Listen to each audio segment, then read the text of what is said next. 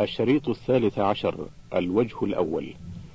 ولا زلنا في الإجابة على سؤال الشيخ عن حكم قيادة المرأة للسيارات.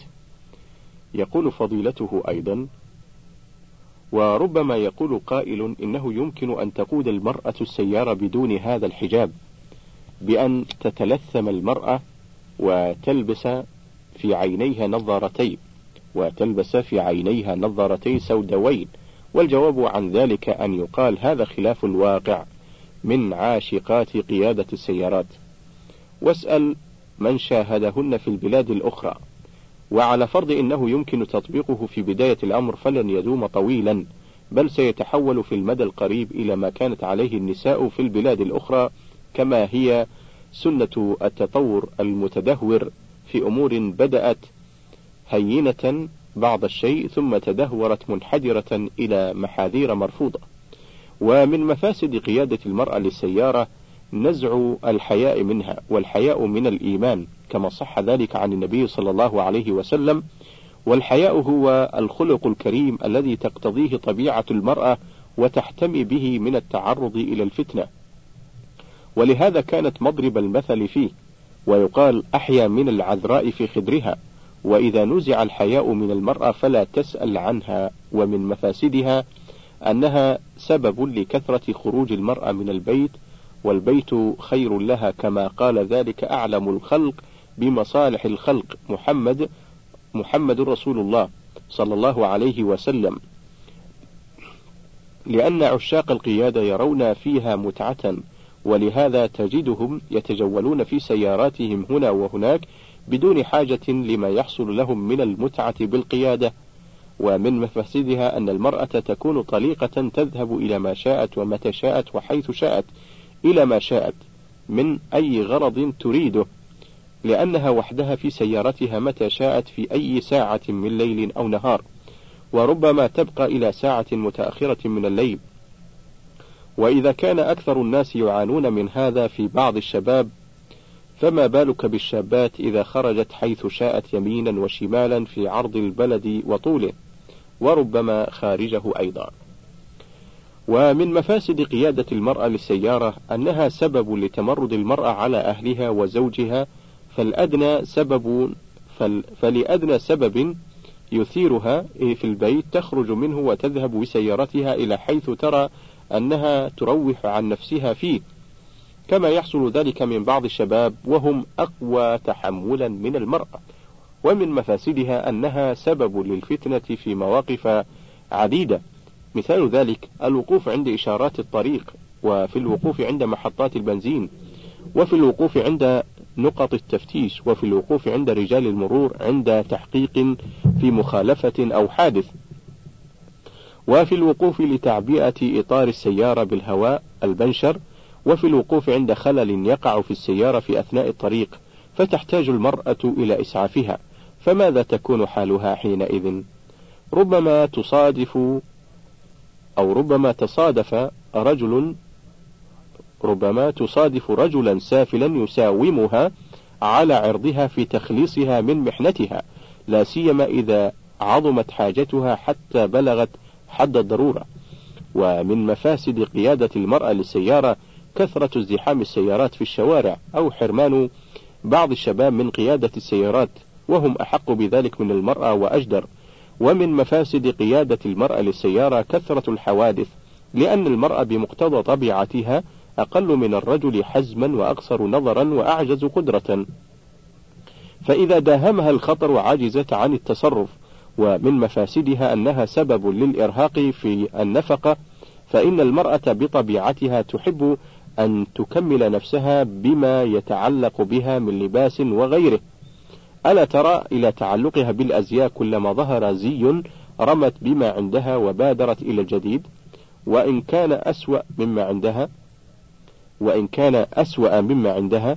ألا ترى إلى غرفتها ماذا تعلق على جدرانها من الزخرفة؟ ألا ترى إلى ماصتها وإلى غيرها من أدوات حاجياتها؟ وعلى قياس ذلك بل لعله أولى من السيارة التي تقودها فكلما ظهر موديل جديد فسوف تترك الأول إلى هذا الجديد. وأما قول السائل وما رأيكم بالقول إن قيادة المرأة للسيارة أخف ضررا من ركوبها مع سائق الأجنبي؟ فالذي أرى أن كل واحد منهما فيه ضرر وأحدهما أضر من الثاني من وجه ولكن ليس هناك ضرورة توجب ارتكاب واحد منهما. وأعلم أنني بسطت القول في هذا الجواب لما حصل من المعمعة والضجة حول قيادة المرأة للسيارة والضغط المكثف على المجتمع السعودي المحافظ على دينه وأخلاقه ليستنبع قيادة المرأة للسيارة ويستسيغها. وهذا ليس بعجيب لو وقع من عدو متربص بهذا البلد الذي هو آخر معقل للإسلام يريد أعداء الإسلام أن يقضوا أو يقضوا عليه ولكن هذا من أعجب العجيب ولكن هذا من أعجب العجب إذا وقع من قوم من مواطنينا ومن أبناء جلدتنا يتكلمون بألسنتنا ويستظلون برايتنا. قوم انبهروا بما عليه دول الكفر من تقدم مادي دنيوي فأعجبوا بما هم عليهم من أخلاق من أخلاق تحرروا بها من قيود الفضيلة إلى قيود الرذيلة وصاروا كما قال ابن القيم في نونيته هربوا من الرق الذي خلقوا له وبلوا برق النفس والشيطان. وظن هؤلاء أن دول الكفر وصلوا إلى ما وصلوا إليه من تقدم مادي بسبب تحررهم هذا التحرر وما ذلك إلا لجهلهم أو جهل كثير منهم بأحكام الشريعة وأدلتها الأثرية والنظرية. وما تنطوي عليه من حكم وأسرار تتضمن مصالح الخلق في معاشهم ومعادهم ودفع المساجد ودفع المفاسد فنسأل الله لنا ولهم الهداية والتوفيق لما فيه الخير والصلاح في الدنيا والآخرة. الهامش من فتوى للشيخ ابن عثيمين عليها توقيعه انتهى الهامش. حكم من يقول إن المرأة الشريفة لا تحتاج حجابا السؤال يقول كثيرا ما نسمع دعوات موجهة للمرأة تدعوها لخلق لخلع الحجاب وتقول لها إن المرأة الشريفة تستطيع أن تعيش بين الرجال بشرفها في حصن حصين لا لا تمتد إليها الأعناق وربما تخدع بعض النساء بهذا الكلام فما تعليقكم على هذا؟ جزاكم الله خيرا. الجواب تعليقنا هو أن هذه دعوة باطلة مصادمة للكتاب والسنة والعقل والطبيعة الإنسانية. فإن كل امرأة تبدو كاشفة الوجه حاسرة عن مفاتنها لابد أن يتعلق بها الرجال مهما كانوا ولا بد أن تؤذى مهما كانت عفيفة وربما يغويها الشيطان ويجرها إلى الفاحشة إما لهوى في نفسها مع كثرة المحاولة من أهل الفسوق وإما للضغط عليها حتى تأتي على ما يريدون. وإذا كانت المرأة شريفة فإن شرفها يزداد إذا تحجبت الحجاب الشرعي الذي يتضمن أول ما يتضمن تغطية الوجه. وهذا أمر معلوم بالعقل والفطرة والطبيعة الإنسانية.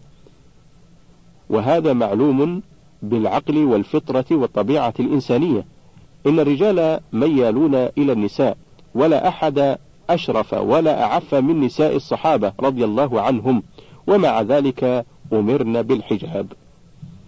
الهامش ألفاظ ألفاظ ومفاهيم في ميزان الشريعة من الصفحتين السبعين والواحدة والسبعين لشيخ ابن عثيمين. انتهى الهامش.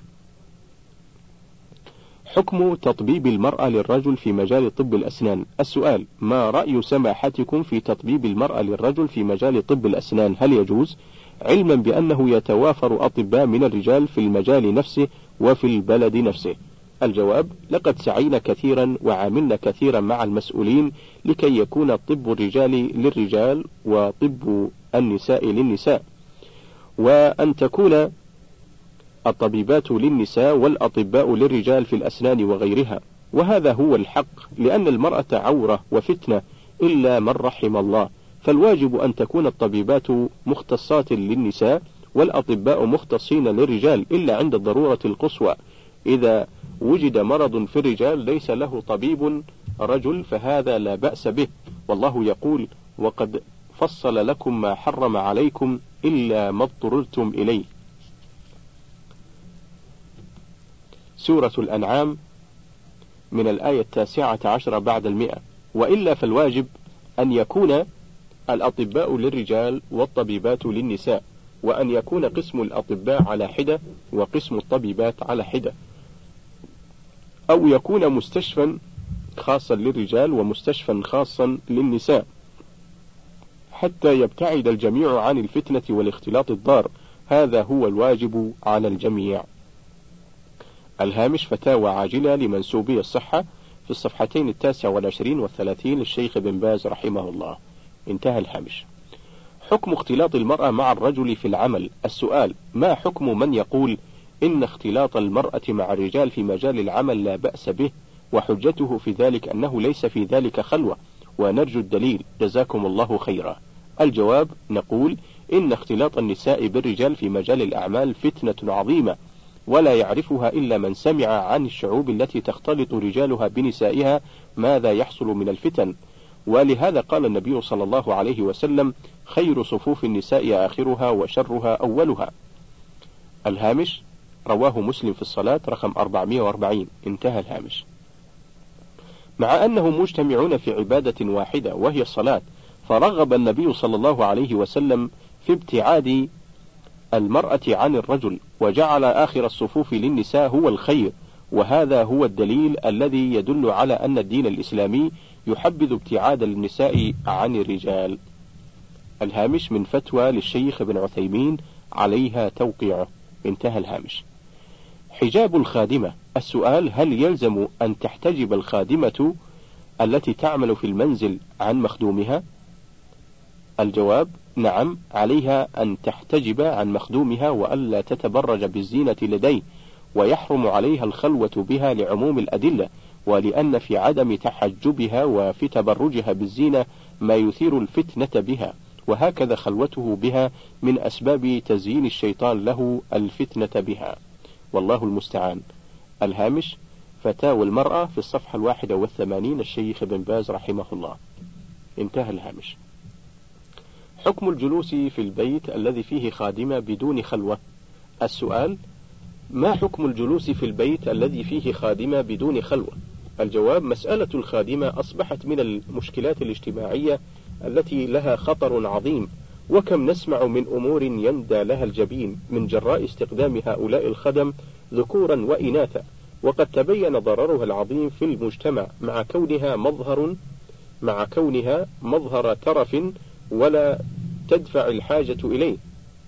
وفيه من أسباب الفتنة ما يقتضي أن تكون الحكمة منعه. فأولا لا ينبغي لأي عاقل أن يستخدم خادما لبيته إلا عند الضرورة القصوى وليس لمجرد الحاجة أو الرفاهية. فهذا ضرر للدين وسفه في العقل وضياع للمال. وثانيا لابد أن تكون الخادمة ملتزمة بالشرع فتتحجب حجابا كاملا عن الرجال الذين في البيت ولا يجوز أن تكون سافرة متبرجة. ثالثا لابد أن يكون حضورها مع محرم. لقول رسول الله صلى الله عليه وسلم لا تسافر امرأة إلا مع ذي محرم. وبعض الناس يستحضر الخدم تقليدا لغيرهم مما جر عليهم بلاء عظيما. ومن ذلك أن النساء يتركن أولادهن لتربية الخدم ولن يجد الأبناء مثل حنان الأم وتربيتها. وبخصوص السؤال فما دامت الخادمة متحجبة حجابا كاملا مثل غيرها من النساء فلا بأس بالبقاء في المجلس الذي هي فيه. وما دام ما دام ليس هناك خلوة ولا كشف لما يجب ستره. الهامش مجموع دروس فتاوى الحرم المكي. الجزء الثالث في الصفحتين السابعة والأربعين والثامنة والأربعين بعد المئتين. الشيخ ابن عثيمين. انتهى الهامش. حكم طلب النساء للعلم. السؤال لقد خصص رسول الله صلى الله عليه وسلم يوما للنساء ليتعلمن أمور دينهن وكان يسمح لهن بالحضور خلف الرجال في المساجد لطلب العلم. لماذا لا يقتدي العلماء بالرسول الكريم؟ وإن كانوا قد قاموا ببعض الشيء في هذا المجال إلا أنه لا يكفي ونطلب زيادة. جزاكم الله خيرا. الجواب لا شك أن هذا فعله الرسول صلى الله عليه وسلم وهكذا العلماء. بحمد الله. وأنا أيضا فعلت ذلك مرات كثيرة هنا وفي مكة والطائف وجدة. وليس عندي مانع من أن أخصص وقتا للنساء في أي مكان إذا طلب مني ذلك وهذا أيضا موقف زملاء العلماء وبرنامج نور على الدرب فتح الله به خيرا كثيرا وبإمكان المرأة أن ترسل إلى البرنامج بأسئلتها وسيجاب عليها وسيجاب عليها من خلاله. والبرنامج يذاع مرتين كل ليلة من إذاعتي نداء الإسلام والقرآن الكريم.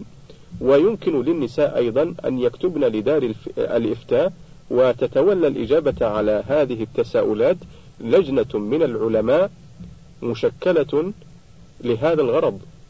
وعلى أي حال العلم للرجال والنساء على السواء ولا مانع من حضور المرأة للمحاضرات بشرط الاحتجاب وعدم التبرج. الهامش فتاوى المرأة في الصفحتين الخامسة عشرة والسادسة عشرة للشيخ بن باز رحمه الله. انتهى الهامش.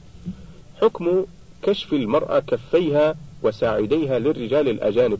السؤال ما رأيكم في أن كثيرا من النساء اللاتي يخرجن إلى الأسواق لقصد الشراء من أصحاب المحلات التجارية يخرجن يخرجن أكف أيديهن أيديهن والبعض الآخر يخرجن الكف مع الساعد وذلك عند غير محارمهن. وهذا أكثر الموجود في الأسواق. الجواب لا شك أن إخراج المرأة كفيها وساعديها في الأسواق أمر منكر وسبب للفتنة. لا سيما أن بعض هؤلاء النساء يكون يكن على أصابعهن يكون على أصابعهن خواتم وعلى سواعدهن إسورة. وقال الله تعالى للمؤمنات ولا يضربن بأرجلهن ليعلم ما يخفين من زينتهن. سورة النور الآية الواحدة والثلاثون. وهذا يدل على أن المرأة المؤمنة لا تبدي شيئا من زينتها وأنه لا يحل لها أن تفعل شيئا يعلم به ما تخفيه من هذه الزينة. فكيف بمن تكشف زينة يديها ليراها الناس؟ إنني أنصح النساء المؤمنات بتقوى الله عز وجل وأن يقدمن الهدى على الهوى ويعتصمن بما أمر الله به نساء النبي صلى الله عليه وسلم اللاتي هن أمهات المؤمنين وأكمل النساء أدبا وعفة حيث قال لهن وقرن في بيوتكن ولا تبرجن ولا تبرجن تبرج الجاهلية الأولى وأقمنا الصلاة وآتينا الزكاة وأطعنا الله ورسوله. إنما يريد الله ليذهب عنكم الرجس أهل البيت ويطهركم تطهيرا. سورة الأحزاب الآية الثالثة والثلاثون. ليكون لهن نصيب من هذه الحكمة العظيمة. إنما يريد الله ليذهب عنكم الرجس أهل البيت ويطهركم تطهيرا. سورة الأحزاب الثالثة والثلاثون.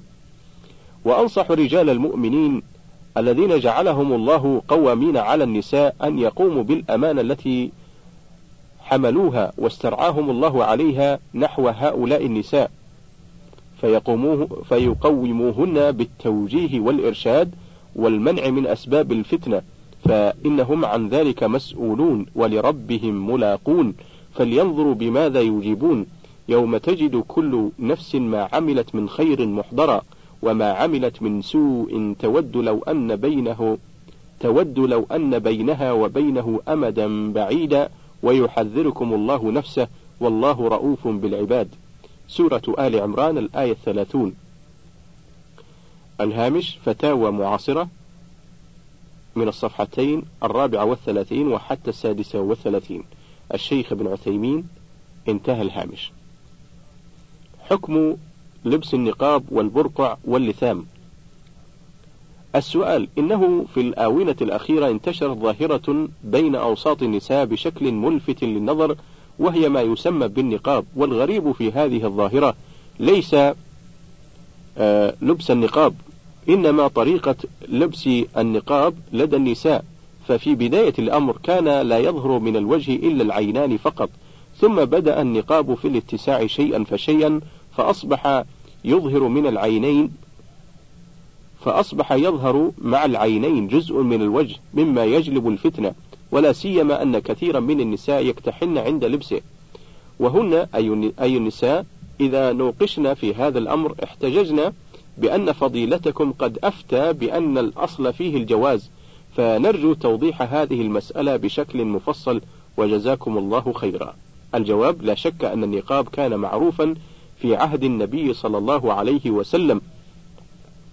وأن النساء كن يفعلنه كما يفيده قوله صلى الله عليه وسلم في المرأة إذا أحرمت لا تنتقب. الهامش رواه البخاري في جزاء الصيد رقم 1838 انتهى الهامش.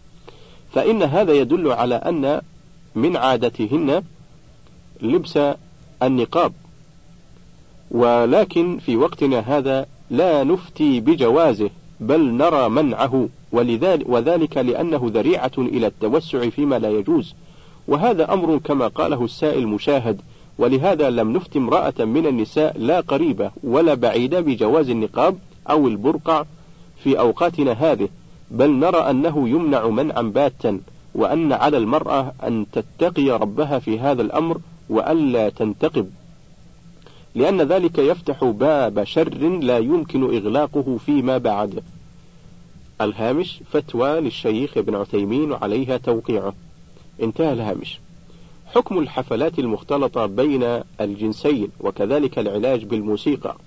السؤال ما حكم حفلات التوديع المختلطة من الجنسين وما حكم العلاج بالموسيقى؟ الجواب الحفلات لا تكون بالاختلاط بل الواجب أن تكون حفلات الرجال للرجال وحدهم وحفلات النساء للنساء وحدهن. أما الاختلاط فهو منكر ومن عمل أهل الجاهلية نعوذ بالله من ذلك. أما العلاج بالموسيقى فلا أصل له بل هو من عمل السفهاء. فالموسيقى ليست بعلاج ولكنها داء وهي من آلات الملاهي فكلها مرض للقلوب وسبب لانحراف الأخلاق. وإنما العلاج النافع والمريح للنفوس إسماع المرضى القرآن والمواعظ المفيدة والأحاديث النافعة. أما العلاج بالموسيقى وغيرها من آلات الطرب فهو مما يعودهم الباطل ويزيدهم مرضا إلى مرضهم ويثقل عليهم سماع القرآن والسنة والمواعظ المفيدة. ولا حول ولا قوة إلا بالله. الهامش فتاوى عاجلة لمنسوبي الصحة في الصفحتين العاشرة والحادية عشرة للشيخ ابن باز رحمه الله. انتهى الهامش. حكم تساهل النساء في إبداء أذرعتهن أو شيء من أجسادهن في الصلاة السؤال يتساهل كثير من الناس يتساهل كثير من النساء في الصلاة فتبدو ذراعاها أو شيء منهما وكذلك قدمها وربما بعض آه، ساقها فهل صلاتها صحيحة حينئذ؟ الجواب الواجب على المرأة الحرة المكلفة ستر جميع بدرها. ستر جميع بدنها في الصلاة ما عدا الوجه والكفين لأنها عورة كلها. فإن صلت وقد بدا شيء من عورتها كالساق والقدم والرأس أو بعضه لم تصح صلاتها لقول النبي صلى الله عليه وسلم لا يقبل الله صلاة حائض إلا بخمار.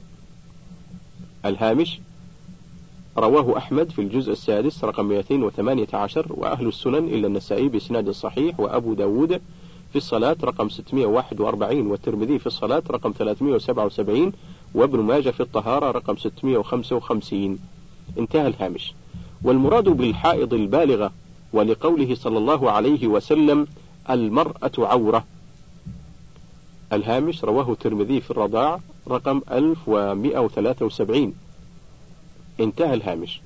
ولما روى أبو داود رحمه الله عن أم سلمة رضي الله عنها عن النبي صلى الله عليه وسلم أنها سألت النبي صلى الله عليه وسلم عن المرأة تصلي في درع وخمار بغير إزار فقال إذا كان الدرع سابغا يغطي ظهور قدميها إذا كان الدرع سابغا يغطي ظهور قدميها. الهامش رواه أبو داود في الصلاة رقم 640 انتهى الهامش. قال الحافظ ابن حجر رحمه الله في البلوغ وصحح الأئمة وقفه على أم سلمة رضي الله عنها فإن كان عندها أجنبي وجب عليها أيضا ستر وجهها وكفيها. الهامش فتاوى مهمة تتعلق بالصلاة من الصفحتين الخامسة عشرة والسادسة عشرة للشيخ بن باز رحمه الله. انتهى الهامش. الرد على حديث كشف الوجه. السؤال ما هو جوابكم على حديث العروسة التي قدمت لخطيبها مشروبا كاشفة عن وجهها بحضور النبي صلى الله عليه وسلم مع العلم بأن الحديث في صحيح مسلم؟ الجواب هذا الحديث وأمثاله مما ظاهره أن نساء الصحابة رضي الله عنهن يكشفن وجوههن. هذا ينزل على ما قبل الحجاب. لأن الآيات الدالة على وجوب الحجاب للمرأة كانت متأخرة في السنة السادسة من الهجرة وكان النساء قبل ذلك لا يجب عليهن ستر وجوههن وأيديهن فكل النصوص التي ترد يمكن أن تحمل على هذا ولكن قد ترد أحاديث فيها ما يدل على أنها بعد الحجاب فهذه هي التي تحتاج إلى جواب.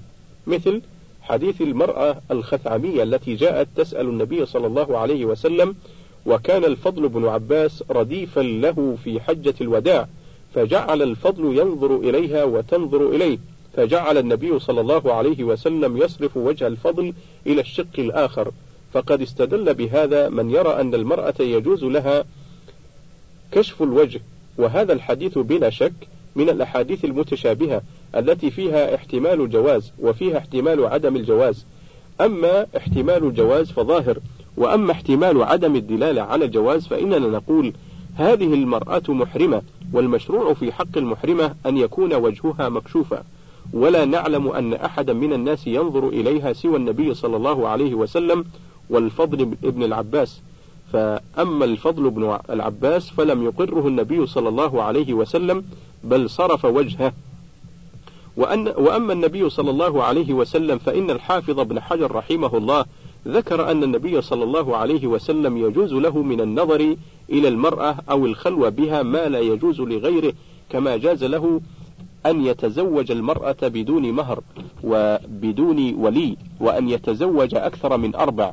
والله عز وجل قد فسح له بعض الشيء في هذه الأمور لأنه أكمل الناس عفة ولا يمكن أن يرد على النبي صلى الله عليه وسلم ما يرد على غيره من الناس من احتمال ما لا ينبغي أن يكون في حق ذوي المروءة.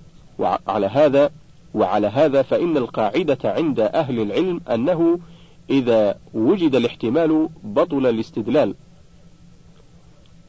فيكون هذا الحديث من المتشابه والواجب علينا في النصوص المتشابهة أن نردها إلى النصوص المحكمة الدالة دلالة واضحة على أنه لا يجوز للمرأة أن تكشف وجهها. وأن كشف المرأة وجهها من أسباب الفتنة والشر والأمر كما تعلمون ظاهر. الآن في البلاد التي رخص للنساء فيها بكشف الوجوه. فهل اقتصر النساء التي رخص لهن بكشف الوجوه على كشف الوجه؟ الجواب لا. بل كشف الوجه والرأس والرقبة والنحر والذراع والساق والصدر أحيانا. وعجز هؤلاء أن يمنعوا نساءهم مما يعترفون بأنه منكر ومحرم. وإذا فتح باب الشر للناس فثق أنك إن فتحت مصراعا فسوف ينفتح مصاريع كثيرة. وإذا فتحت أدنى شيء فسيشيع حتى لا يستطيع الراقع أن يرقعه. فالنصوص الشرعية والمعقولات العقلية كلها تدل على وجوب ستر المرأة وجهها. وإني لأعجب من قوم يقولون إنه يجب على المرأة أن تستر قدمها ويجوز لها أن تكشف كفيها فأيهما أولى بالستر؟ فأيهما أولى بالستر؟ أليس الكفان؟ لأن نعومة الكف وحسن أصابع المرأة وأناملها في اليدين أشد جاذبية من ذلك الرجلين. وأعجب أيضا من قوم يقولون إنه يجب على المرأة أن تستر قدميها ويجوز أن تكشف وجهها فأيهما أولى بالستر؟ هل من المعقول أن نقول إن الشريعة الإسلامية الكاملة التي جاءت من لدن حكيم خبير توجب على المرأة أن تستر القدم وتبيح لها أن تكشف الوجه؟ الجواب أبدا هذا تناقض لأن تعلق الرجال بالوجوه أكثر بكثير من تعلقهم بالأقدام.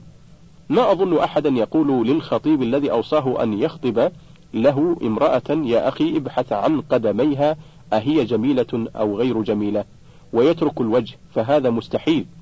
بل أول ما يوصيه به هو البحث عن الوجه كيف الشفتان؟ كيف العينان؟ وهكذا. أما أن يبحث عن القدم ويدع الوجه فهذا مستحيل. فإذا محل الفتنة هو الوجه. وكلمة عورة لا تعني أيها الإخوة أنه كالفرج يستحيا من إخراجه أو من كشفه وإنما نقول عورة أي يجب أن يستر لأنه يعور المرأة بالفتنة بالتعلق بها وإني لأعجب من قوم وإني لأعجب من قوم يقولون إنه لا يجوز للمرأة أن تخرج أن تخرج شعرات أو أقل من شعر رأسها ثم يقولون يجوز أن تخرج الحواجب الرقيقة الجميلة والأهداب الظليلة السوداء والأحجاب الرقيقة المفرقة المقرونة حسب رغبة الناس. فهذا فهذه لا بأس ولا مانع من إظهارها. ثم ليت الأمر يقتصر على إخراج هذا الجمال وهذه الزينة. بل في الوقت الحاضر يجمل بشتى أنواع المكياج من أحمر وغيره. أنا أعتقد أن أي إنسان يعرف مواضع الفتن ورغبات الرجال لا يمكنه إطلاقا أن يبيح كشف الوجه مع وجوب ستر القدمين وينسب ذلك إلى شريعة هي أكمل الشرائع وأحكمها. ولهذا رأيت لبعض المتأخرين القول بأن علماء المسلمين اتفقوا على وجوب ستر الوجه لعظم الفتنة كما ذكره صاحب نيل الأوطار عن ابن رسلان قال لأن الناس الآن عندهم ضعف إيمان والنساء عند كثير منهن عدم العفاف فكان الواجب أن يستر هذا الوجه حتى لو قلنا بإباحته فإن حال المسلمين اليوم تقتضي القول بوجوب ستره لأن المباح إذا كان وسيلة إلى محرم صار محرما تحريم الوسائل. وإني لأعجب أيضا من دعاة السفور بأقلامهم وما يدعون إليه اليوم وكأنه أمر واجب تركه الناس بل قد نقول إنه لو كان أمرا واجبا تركه الناس ما صارت هذه الأقلام تحرر هذه الكلمات وتدعو إليه. فإذا كان هذا على القول بأنه جائز إنما هو من باب المباح فكيف نسوغ لأنفسنا أن ندعو ونحن نرى عواقبه الوخيمة في من قالوا بهذا القول؟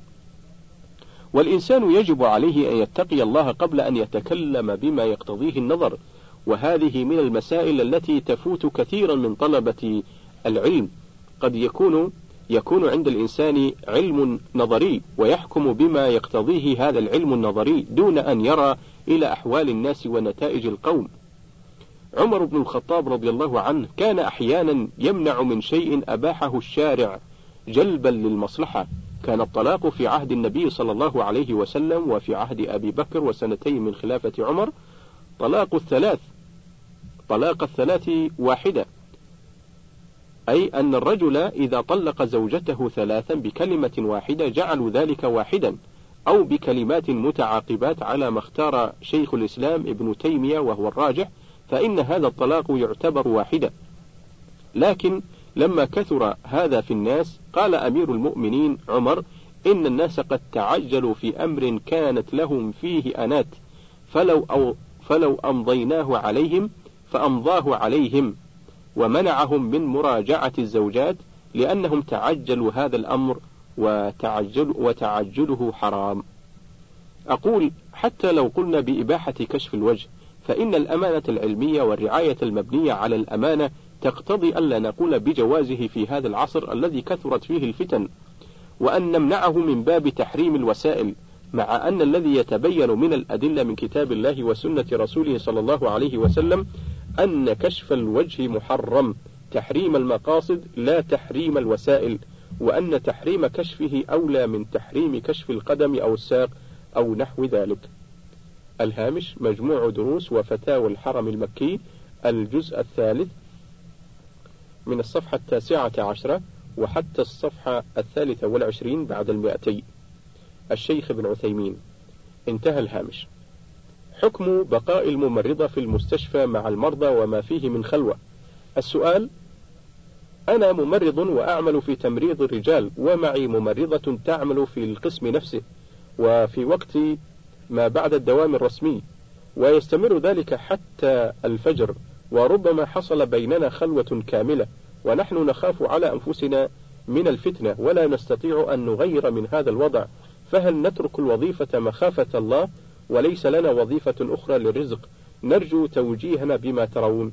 الجواب لا يجوز للمسؤولين عن المستشفيات أن يجعلوا ممرضا مداوما وممرضة يبيتان وحدهما في الليل للحراسة والمراقبة.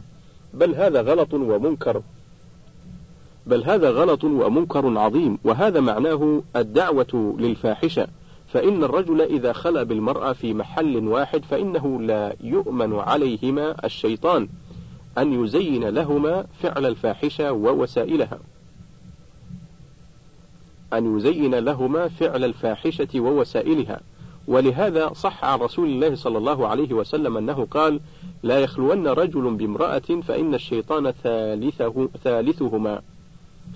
الهامش رواه الترمذي في الفتن رقم 2165 وأحمد الجزء الأول رقم 18 و26 من حديث عمر وأحمد في الجزء الثالث رقم 339 من حديث جابر الجزء الثالث في رقم 446 من حديث ربيعة بن عامر. انتهى الهامش. فلا يجوز هذا العمل والواجب عليك تركه لأنه محرم ويفضي إلى ما حرم الله عز وجل.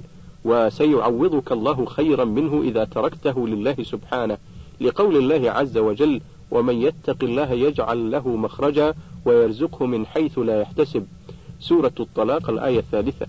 ولقوله سبحانه ومن يتق الله يجعل له من أمره يسرا سورة الطلاق الآية الرابعة.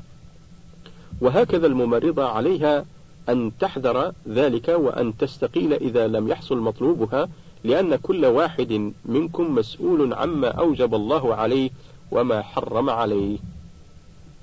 الهامش فتاوى عاجلة لمنسوبي الصحة في الصفحتين الرابعة والعشرين وحتى السادسة والعشرين. الشيخ بن باز رحمه الله. انتهى الهامش. حكم الحجاب للبدوية والحضرية. السؤال إننا نسكن في صحراء والناس كلهم بدو وهناك النساء يلبسن ثيابا تغطي العورة ولكنها قصيرة وبعض الأحيان ضيقة فبماذا تنصحون هؤلاء؟ الجواب لا شك أن الواجب على النساء التستر والبعد عن التبرج وإظهار المحاسن لقول الله تعالى عز وجل وقرن في بيوتكن ولا تبرجن تبرج الجاهلية الأولى سورة الأحزاب الآية الثالثة والثلاثون. قال علماء التفسير معنى التبرج إظهار المحاسن والمفاتن فالواجب على المرأة أن تكون متسترة متحجبة إذا كانت بحضور رجل أو أكثر من غير محاربها بعيدة عن الفتنة. كما قال عز وجل في سورة الأحزاب أيضا وإذا سألتموهن متاعا فاسألوهن من وراء حجاب ذلك أطهر لقلوبكم وقلوبهن. سورة الأحزاب الآية الثالثة والخمسون. فأطهر لقلوب الرجال وقلوب النساء التستر والتحجب من جهة النساء وعدم التبرج حتى لا تفتن ولا تفتن.